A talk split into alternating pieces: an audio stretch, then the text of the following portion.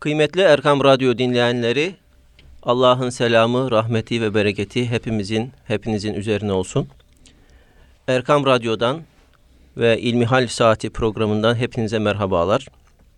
Bugün yine İlmi Araştırmalar Merkezimizin değerli hocalarından Doktor Ahmet Hamdi Yıldırım hocamla huzurunuzdayız. Muhterem hocam hoş geldiniz. Hoş bulduk. Kıymetli dinleyenler, sizlerden bize ulaşan soruları muhterem hocamıza tevcih edeceğiz inşallah. Mevsimi değil ama hocam şöyle bir soru bize ulaşmış. İçki yapılan yere üzüm satmak caiz olur mu? Elhamdülillahi Rabbil alemin ve salatu ve selamu ala Resulina Muhammedin ve ala alihi ve sahbihi ecmain. Ee, mevsimini bir kenara bırakarak biz cevap verelim isterseniz. Evet. Ve konuyu sadece e, şarap yapacak kimseye üzüm satmak olarak da daraltmadan daha geniş olarak ele alalım. Soruyu şöyle soralım mesela. Allah'a isyanda kullanılacak bir malzemeyi satmak caiz olur mu?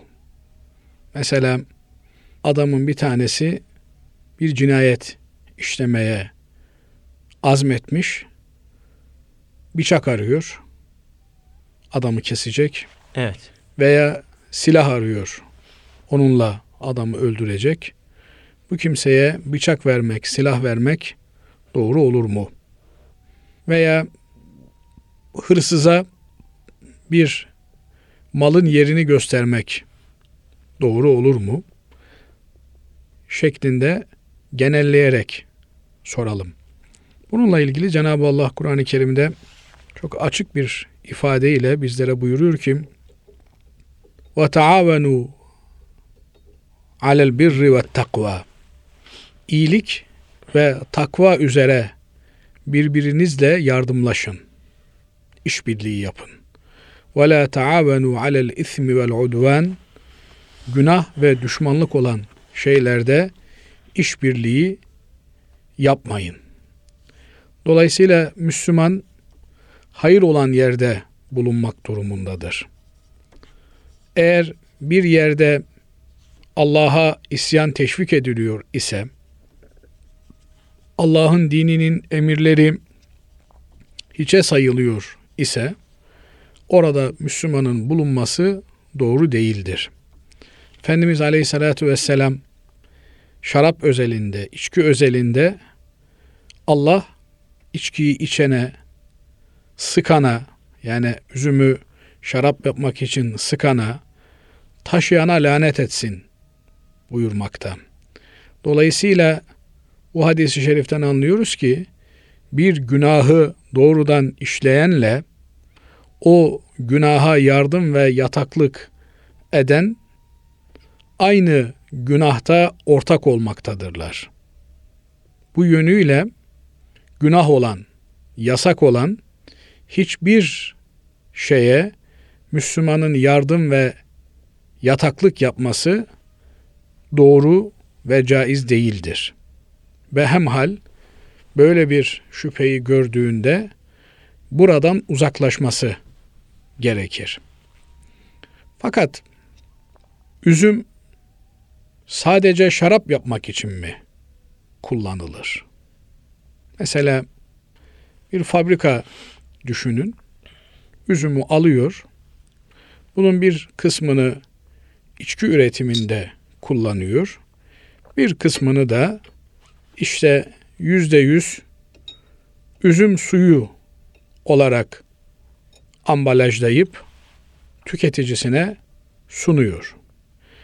Böyle bir yere üzüm satışı direkt şarap yapmak üzere üzümü alana satmakla aynı mı değerlendirilir meselesinde İmam-ı Azam Ebu Hanife Hazretleri bir kimse sattığı malı günaha destek olmak için satmıyor.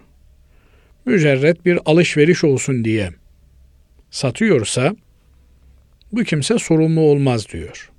Mesela adam üzümü üzüm olarak da tüketebilir. Üzüm suyu haline getirip de tüketebilir. üzümün pekmezini yapabilir. Öyle tüketebilir. Dolayısıyla birçok alternatifi olduğu için burada bu kimse şarap yapılsın diye bu üzümü satıyor denilemez diyor. Binaenaleyh kimsenin niyetini sorgulama, iç dünyasındaki düşüncelerini araştırma mecburiyetimizde olmadığından bu satış hukuken geçerli bir satıştır der. Fakat Basri Hocam burada bir durup düşünmek lazım gelir. Bir şeyin hukuken geçerli olması dinen sorumluluktan bizi kurtarır mı? Hukukenden bahsederken İslam hukuku açısından konuşuyoruz. Peki. Yani İslam hukukunun bir şeye olur demesi burada diyaneten, dinen, ahiret hesabı olarak bizi kurtarabilir mi? Meselesi önemli bir gündem olarak karşımıza çıkar. Niçin?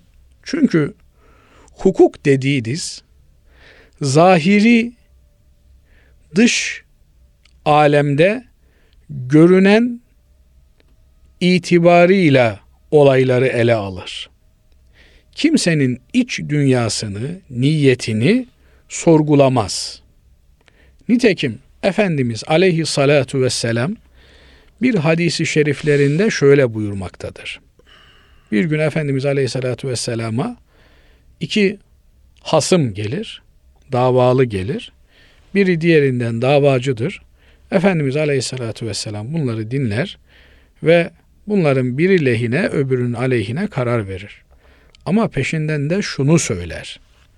Der ki sizden birinin ağzı daha iyi laf yaptığı için elhane bi hüccetihi yani delilini daha iyi savunduğu için daha kendisini net ifade ettiği için iddiasında haklı görünmesine binaen onun lehine hakkı olmayan bir şey ile hüküm vermiş isem bu ona helal olmaz der.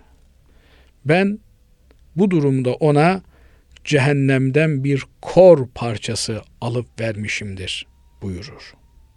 Bunun anlamı şu Basri hocam. Evet hocam. Yani hukuken adamın haklı olması. Evet. Yani işte Hazreti Peygamber Efendimizin huzurunda mahkeme oluyorlar. Hı hı. Efendimiz Aleyhisselatü Vesselam bir hakim, bir yargıç, bir kadı olarak burada söz gelimi A şahsı haklı buluyor. Neye göre haklı buluyor? Ortaya sunulan delillere göre haklı buluyor. Şahitlere, tanıklara göre haklı buluyor. Ama bu deliller gerçeği yansıtmayabilir. Şahitler yalan şahitlik yapmış olabilirler. Bu durumda hakim de yanıltılmış olacağından hakim eldeki dönelere göre, bilgilere göre hükümde bulunacaktır. Zahiren adama haklısın diyebilir. Ama ona zahiren haklısın denilmesi Allah katında sorumluluğunu düşürmez. Binaenaleyh Ebu Hanife Hazretlerinin bu görüşü yani şarap imalatçısına üzüm satan bir kimse onun şarap yapmasını düşünerek üzümü satmıyor. Burada bir ticaret var, serbest bir ticaret söz konusu. Evet. Bu adam bunu şarap yapabileceği gibi pekmez de yapabilir, üzüm şırası yapabilir, üzüm olarak tüketebilir vesaire vesaire. Binaenaleyh niyetini sorgulama hakkımız olmadığı için hukuken bu satış geçerlidir Evet. demesi. Eğer burada satıcının kanaati kesinse bu adam bunu alıp da efendim şarap yapacak. Bu satış ona caiz olmaz, helal olmaz. Ahireti açısından helal olmaz. Çünkü harama yardım ve yataklık etmiş olur. Haramın işlenmesi için işbirliği yapmış olur. Efendim ben satmazsam başkası satacak. Evet. Sen cehenneme girmezsen başkası cehenneme girebilir. Ama başkaları cehenneme girecek diye benim de coşarak, arzulayarak, koşa koşa cehenneme yönelmemin bir alemi yok. Dolayısıyla ben bunu yapmazsam başkası yapar, ben gidersem başkası gelir. Türünden bahanelerle evet. nitekim bir güzel atasözümüz var. Su-i emsal, emsal teşkil etmez. Evet. Yani kötü örnek, örnek olmaz. Bu günahı biri işleyecekti, ben işledim. E tamam cezasını da sen çekersin. Yani bu adamı biri öldürecekti, ben öldürdüm. E, o zaman cinayette sen yargılanırsın. Binaenaleyh Müslümanın Allah'ın dinine aykırı olan noktalardan uzak durması gerekir. Allah'a isyan olan mesela iskambil kağıtları üretimi, kumar oynanan alet ve edevatın evet. üretimi caiz midir? Değildir. Efendim ben burada kağıt basıyorum. Kağıt basmak. Tabi problem var mı? Eğer bu günah olan bir şeyde kullanılacaksa problem var. Evet. Efendim işte ahlaksız yayın basıyorum. Bu sadece kağıt üzerine bir baskı olarak değerlendirilebilir mi? Hayır. Veyahut da ateist propagandası yapan bir yayın olabilir. Evet. Yani işte ben matbaama ne gelirse basarım kardeşim. Ben içeriğini kontrol etmeye mecbur değilim. Hayır efendim, mecbursun. Yani nasıl yaşantının Müslümanca olması gerekiyor ise ticaretin de muamelatın da Müslümanca olması gerekiyor. Bu noktada belki üç kuruş zarar etmek söz konusu olabilir. Belki çok e, başkalarının yaptığı karlar gibi kar elde etmek mümkün olmayabilir. Bazen öyle şeylerle de karşılaşıyoruz. Diyor ki işte adam e, balık lokantası eğer içki olmazsa kar etmez. Etmesin. Dolayısıyla Müslüman helalin peşinden koşacak. Çok kar etmenin değil. Müslüman Allah'ın emrettiği, müsaade ettiği alanlarda işini görmeye çalışacak. Tehlikeli olan, şaibeli olan, muhataralı olan alanlardan uzak duracak. Evet, ahiretini esas alacak. Ahiret, ahiret, ahiret endeksli değerlendirmelerde bulunacak. Allah razı olsun hocam. Ee, yine dinleyicilerimizden bize ulaşan bir soru şöyle. Kızgınlık, öfke anında e, yapılan yeminler geçerli olur mu? Yani insanların e, öfke anında yaptığı yemin e, geçerli olur mu hocam? E, biliyorsunuz e, dini literatürde üç tane yeminden bahsediyoruz. Bunlardan bir tanesi yemini lagv dediğimiz yani ağız alışkanlığıyla işte vallahi billah türünden manasını kastetmeden hı hı. ne bileyim vallahi gelmiştir herhalde. E, gelmedi vallahi bilmiyorum türünden böyle içi boş yeminler bunlara deniyor. Bu yeminlerle ilgili Cenab-ı Allah Kur'an-ı Kerim'de açık bir şekilde Estağfirullah La yuahidukumullahu billagvi fi eymanikum. Allah yeminlerinizdeki böyle lagv olan boşuna manası kastedilmeden, içeriği düşünülmeden yapılan yeminleri affeder. Onunla sizi hesaba çekmez. Ayet-i kerime açık. Bir de yalan yere yemin etmek var. Yani mesela Ahmet geldi. Biliyorsunuz gelmedi. Vallahi geldi diyorsunuz. Yalan yere yemin. Bu yeminle ilgili de yapılacak bir şey yok. Çünkü yalan. Yalanın telafisi yok. Yalan söz konusu oldu mu Allah muhafaza etsin. Onun akıbeti tehlikeli. Çok istiğfar edip Cenab-ı Allah'a iltica edip bu çirkin huydan kurtarmak için gayret göstermek gerekiyor. Çünkü Efendimiz Aleyhisselatü Vesselam yalan diyor, fucura götürür. Yani yalan söyler söyler insan, sonra adeta şirazeden çıkmış kağıt tomarına döner, dengesi kayar ve dini hayatı alt üst olur. Fucur da insanı cehenneme götürür. Yani yalan, yalancılık cehenneme giden yolun ilk adımı anlamına geliyor. Bir Müslümanın böyle yalan yere yemin etmesi mümkün değil. Bir diğer yemin türü ise yemini münakide dediğimiz yani kast ederek, bilerek ileriye dönük bir şeyle ilgili işte vallahi bu işi yapmayacağım diye yemin vermektir. İşte bunlar sorumluluk alanına giren yeminlerdir.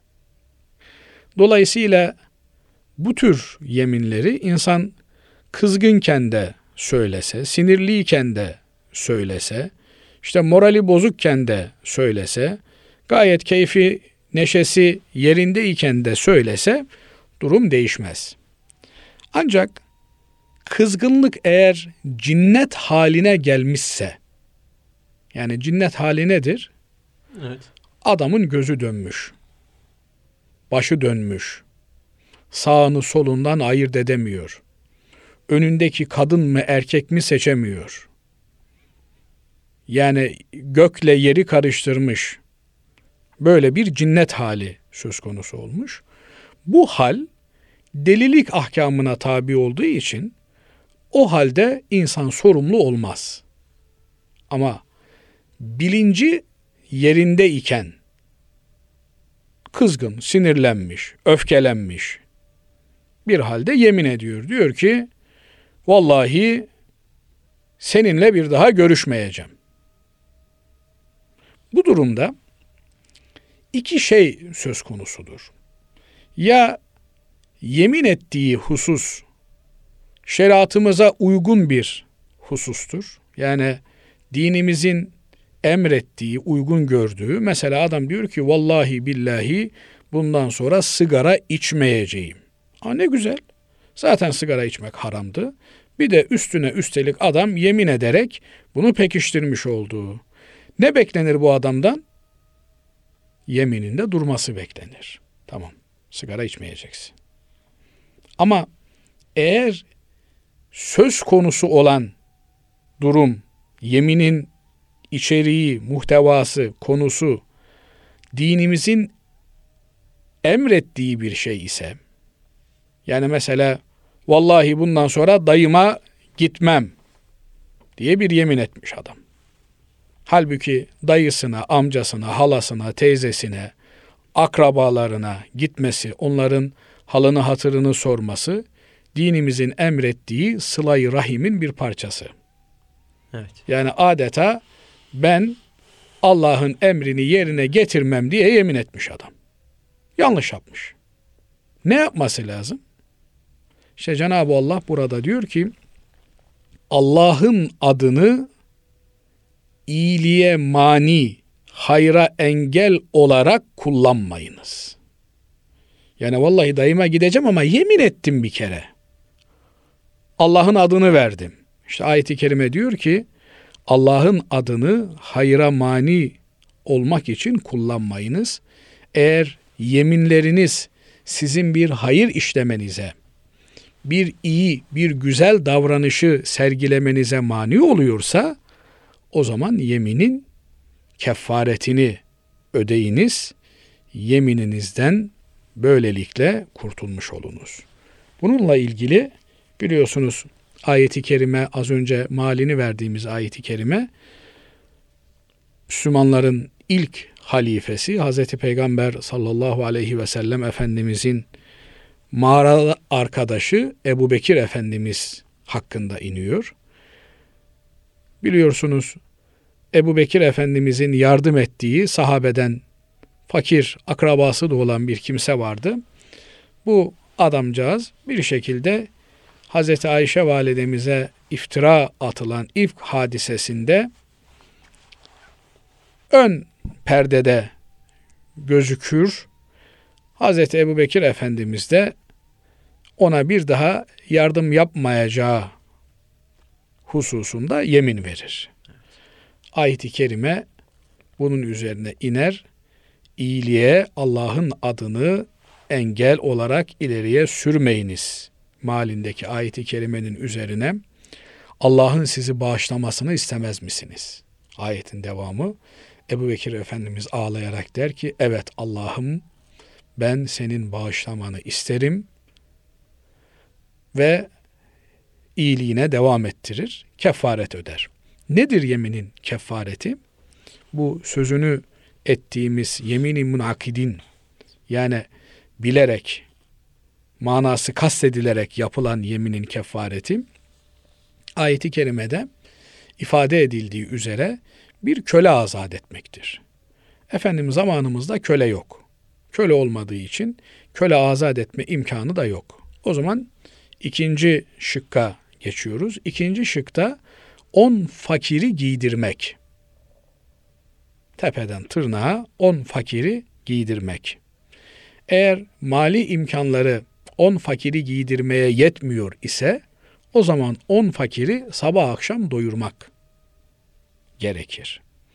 Eğer mali imkanları on fakiri sabah akşam doyurmaya da yeterli değilse nedir on fakirin sabah akşam doyurulmasının bedeli? On sadakayı fıtır demektir. İşte sadakayı fıtır Ramazan'da Ramazan'ı kazasız belasız geçirdiğimiz için bayramdan önce verdiğimiz bedeldi. Evet. Hatırlayabildiğim kadarıyla 11 lira civarında bir şeydi. Ee, 10 tane olduğunu düşünürseniz nedir? 110 lira, 120 lira gibi bir meblağdır. Yani 10 tane fakire 12'şer lira ve işte bilemediniz 20 lira verdiniz mi bu yemininizin kefareti ödenmiş olur. Buna da gücü yetmiyorsa kişinin o zaman 3 gün oruç tutması gerekir. Ama maalesef halkımız işte yeminini bozarsın üç gün oruç tutarsın şeklinde en son şıkkı tercih etmiş oluyorlar ki burada e, ikinci ve üçüncü şıkları atlamamak gerekiyor. Yani on fakiri giydirmek veya on fakiri yedirip içirmek bu hususa da sevgili dinleyenlerimizin dikkatini çekmiş olalım inşallah. Teşekkür ediyoruz hocam. Allah razı olsun. Muhterem hocam, bize ulaşan sorulardan bir tanesi şöyle. Yatmadan önce yapacağımız sünnetler ve yapacağımız gece hazırlığı e, neler olmalıdır? Evet, yatmadan önce Efendimiz Aleyhisselatü Vesselam e, ve sahabeyi kiram efendilerimizden öğrendiğimiz bir defa gece uykusunu geciktirmemek. Yani e, yatsı namazını cemaatle camide eda eder etmez eve koşup ve eğer bir ilim müzakeresi, bir sohbet meclisi gibi hayırla bulunacağımız bir meclis söz konusu değilse derhal istirahata çekilmek. Hatta Selefi Salihin Hazretlerinden rivayet edilir ki eve gelirken e, tabiri caizse düğmelerini çözmeye başlarlarmış. Hemen eve girer girmez uykuya istirahate çekilmek için. Çünkü erken yatmak geceyi değerlendirebilmek için çok önemli bir imkan bizlere veriyor. Ne kadar gecikirseniz o kadar gece hayatını uykuda geçirmiş sayılıyorsunuz. Efendimiz Aleyhisselatü Vesselam yatmadan önce ve uykudan uyanır uyanmaz mısvak kullandığını rivayetlerde görüyoruz. Yani istirahate çekilmeden gece uykusuna yatmadan önce ağız sağlığımıza dikkat etmemiz gerekiyor. Dişlerimizi mısvakla temizlememiz gerekiyor. Elbette Efendimiz Aleyhisselatü Vesselam'ın sünnetinden gördüğümüz her daim abdestli olma, abdestsiz mümkün mertebe bulunmama düsturu ile hareket ederek abdest alıp uykuya, istirahate çekilmemiz uygun olan. Zira biliyorsunuz abdesti yatan bir kimse uyanana kadar abdesti devam ettiği için başında melekler istiğfar etmekte. Onun Allah Teala'dan bağışlanmasını talep etmektedirler. Binaenaleyh böyle bir fırsatı değerlendirebilmek için mutlak surette efendim e, abdestli olarak uykuya geçmeye gayret etmemiz gerekiyor. Bir diğer husus da Efendimiz Aleyhisselatü Vesselam'ın yatmadan önce yaptığı bir takım virtler, zikirler ve dualar bulunmakta. Bunları da yerine getirerek istirahate çekilmemiz uygun olan Efendimiz Aleyhisselatü Vesselam'ın Kul huvallahu ahad, kul a'udhu bi rabbil felak, kul a'udhu bi rabbin nas surelerini okuyarak avucunu birleştirip avucuna üflediği ve daha sonra da iki mübarek eliyle vücudunun ulaşabildiği her yere ellerini götürerek mesettiği söylenmektedir. Rivayet edilmektedir. Binaenaleyh bu tür virtleri okumak suretiyle veya yine Hazreti Fatıma validemizle ilgili bir rivayet hatırıma geliyor. Efendimiz Aleyhisselatü Vesselam bir gazve dönüşü elde edilen ganimetler arasında köleler bulununca onları Medinelilere, savaşa katılanlara dağıtıyor. Hazreti Fatıma validemiz de gün içerisinde ev işleriyle meşgul olmaktan ki o zaman çok zor ununuzu kendiniz öğüteceksiniz, evin temizliğiydi, yemeğiydi vesaire filan. Kendisi de bir kölenin acaba kendilerine düşüp düşmeyeceğini merak ediyor. Efendimiz Aleyhisselatü Vesselam o gece çat kapı geliyor. Hatta Hazreti Ali Efendimiz de Hazreti Fatıma anamız zaten işte bir göz odalı evleri var. Orada uyku pozisyonuna geçmişler. Onları kaldırmadan ayak uçlarına oturuyor ve Efendimiz Aleyhisselatü Vesselam buyuruyor ki kızı Fatıma'ya 33 defa Subhanallah, 33 defa Elhamdülillah ve 33 defa Allahu Ekber bir rivayete göre 34 defa Allahu Ekber dersin. Sonra da La ilahe illallah vahdehu la şerike leh lehul mulku ve lehul hamdu ve huve ala kulli şeyin kadir dersin. Bu senin için şu kadar köleye sahip olmaktan daha hayırlıdır buyuruyor Efendimiz Aleyhisselatü Vesselam. Dolayısıyla yatarken de bir zikir ile yatmak, bu tür virtleri e, okumak suretiyle uykuya geçmek uygun olan, münasip olan davranıştır. E, hele de bazen insanı uyku da tutmuyor. Yani evet. e, gün içerisinde eğer yeterince performans sarf etmemişse, yorulmamışsa, ne bileyim ve işte kahvedir, çaydır, ağır bir şey e, almışsa uyku da tutmuyor. Fuzuli şeylerle uğraşmaktan, meşgul olmaktansa zikirle ve evratla meşgul olmak uygun olan. Bunun da en uygun olanı, münasip olanı Efendimiz Aleyhisselatü Vesselam'ın sünnetinden öğrendiğimiz zikirleri yerine getirmek. Bir de tabi gece uykuya yatmadan önce insanın o günkü günlük hayatını bir muhasebe etmesi gerekiyor. Ben bugün karda mıyım, kazançta mıyım? Bugün hayır adına ne yapabildim? Bugün diğer günlerden farklı olarak ne tür bir sevap defterime ilavede bulunabildim? Acaba işlediğim yanlışlıklar, günahlar oldu mu? İnsanlarla olan ilişkilerimde nasıl davranmam gerekiyordu? Nasıl davrandım diye günlük muhasebesini yapması gerekiyor. Çünkü kişiye kendi gibi dürüst kimse olmaz. Yani başkasını kandırabilirsiniz ama iç aleminizde baş başa kaldığınızda orada siz kendinizle artık yalnız başınızasınız. Kendinize dürüst olmanız. Yani eğer bir yanlış yapmışsanız onu itiraf etmeniz ve bir daha yapmamaya karar vererek tövbe etmeniz gerekiyor. Bu durumda da her daim hayırdan yana, müsamahadan yana, affedicilikten yana olmak gerekiyor. Böyle bir muhasebeyi de yaptıktan sonra Elhamdülillahillezî ahyana ba'dema ematena ve ileyhin nuşur veya Elhamdülillahillezî ahyana ba'dema ematena ve ileyhin nuşur türünden yatarken e, uykudan kalkarken okuduğumuz dualar gibi yatarken de okumamız gereken dualar var. Bunlardan bir tanesi Efendimiz Aleyhisselatü Vesselam buyuruyor ki Allahümme inni eslemtu nefsi ileyke ve veccehtu vecihi ileyke ve fawwadtu emri ileyke ve elce'tu zahri ileyke. La melce'e ve la menca minke illa ileyke. Amentu bi kitabikellezi enzelt ve bi nebiyyikellezi erselt.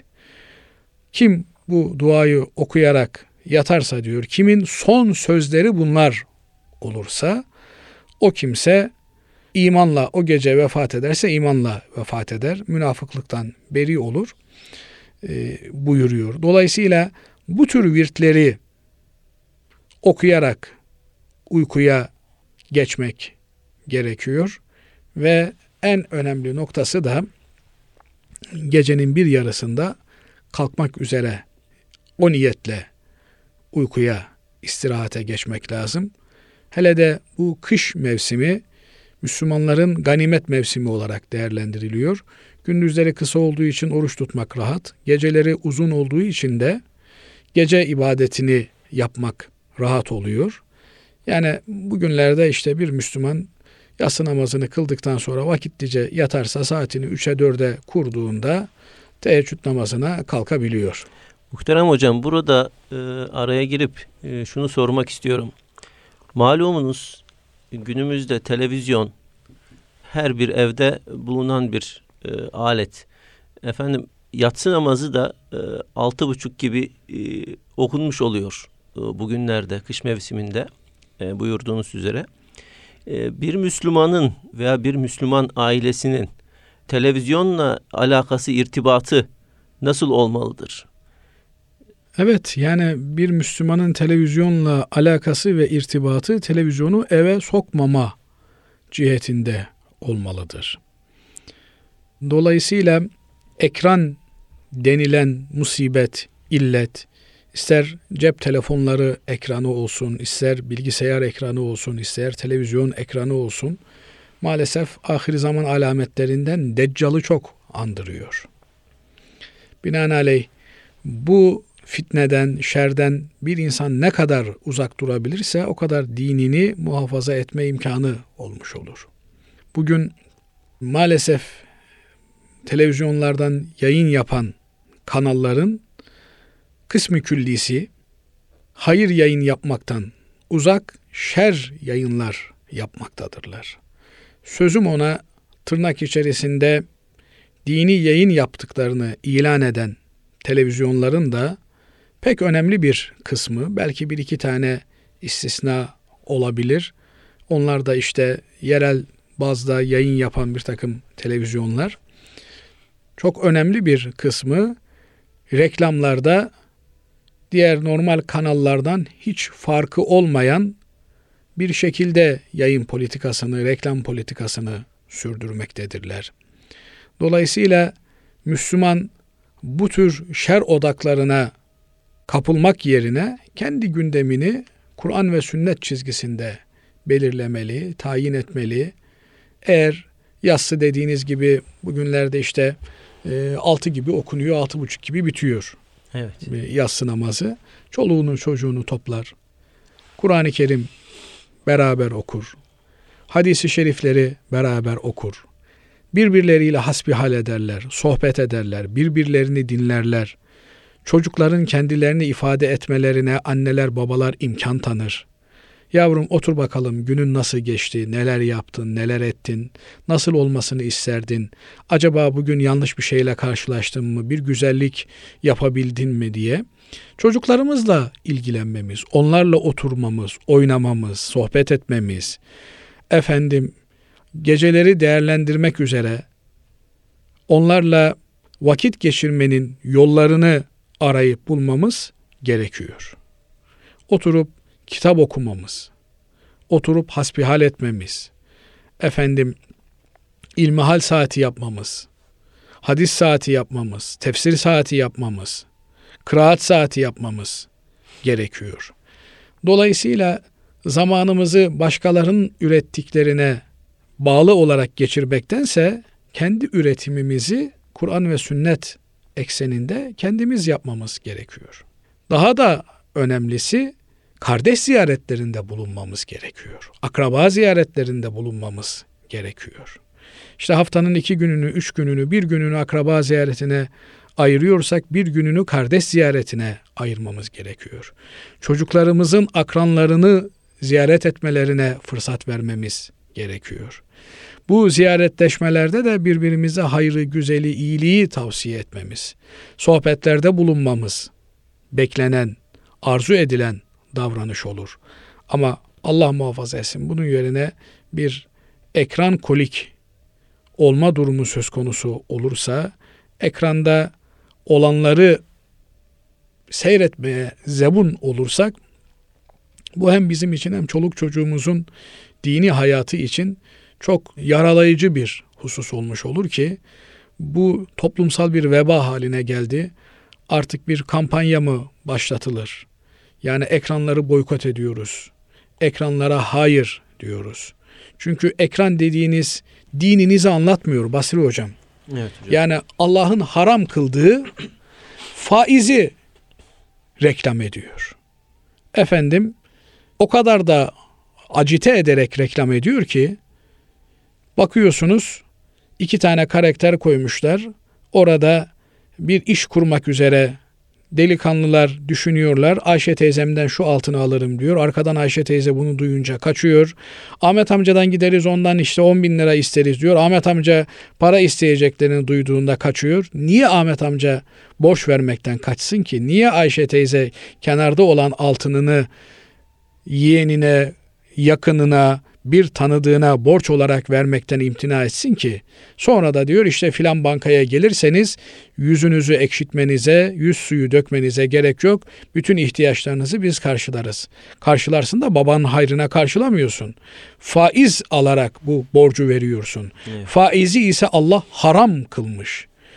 Bakıyorsunuz dini olduğunu, dini yayın yaptığını, dini içerikli programlar ürettiğini söyleyen en iddialı kanallarda bile bu faizli bankaların reklamlarını görebiliyorsunuz. Veya işte farklı boyutlarıyla kadın unsurunun teşhir edildiği reklamları görebiliyorsunuz. Dolayısıyla kişinin dini hayatının selameti açısından televizyonla arasına mesafe koyması gerekiyor. Ne kadar televizyondan, ekrandan uzak durabilirsek o kadar dini hayatımız açısından rahat ve huzurlu geçirme imkanımız olur. Allah razı olsun hocam. Yine önemli mevzuları konuştuk. Hayatımızda e, olan önemli anları e, dile getirdik. Değerli Erkam Radyo dinleyenleri, bir İlmihal Saati programında tekrar sizlerle birlikte olmayı ümit ediyoruz. Bir sonraki haftaya kadar Allah'a emanet olun.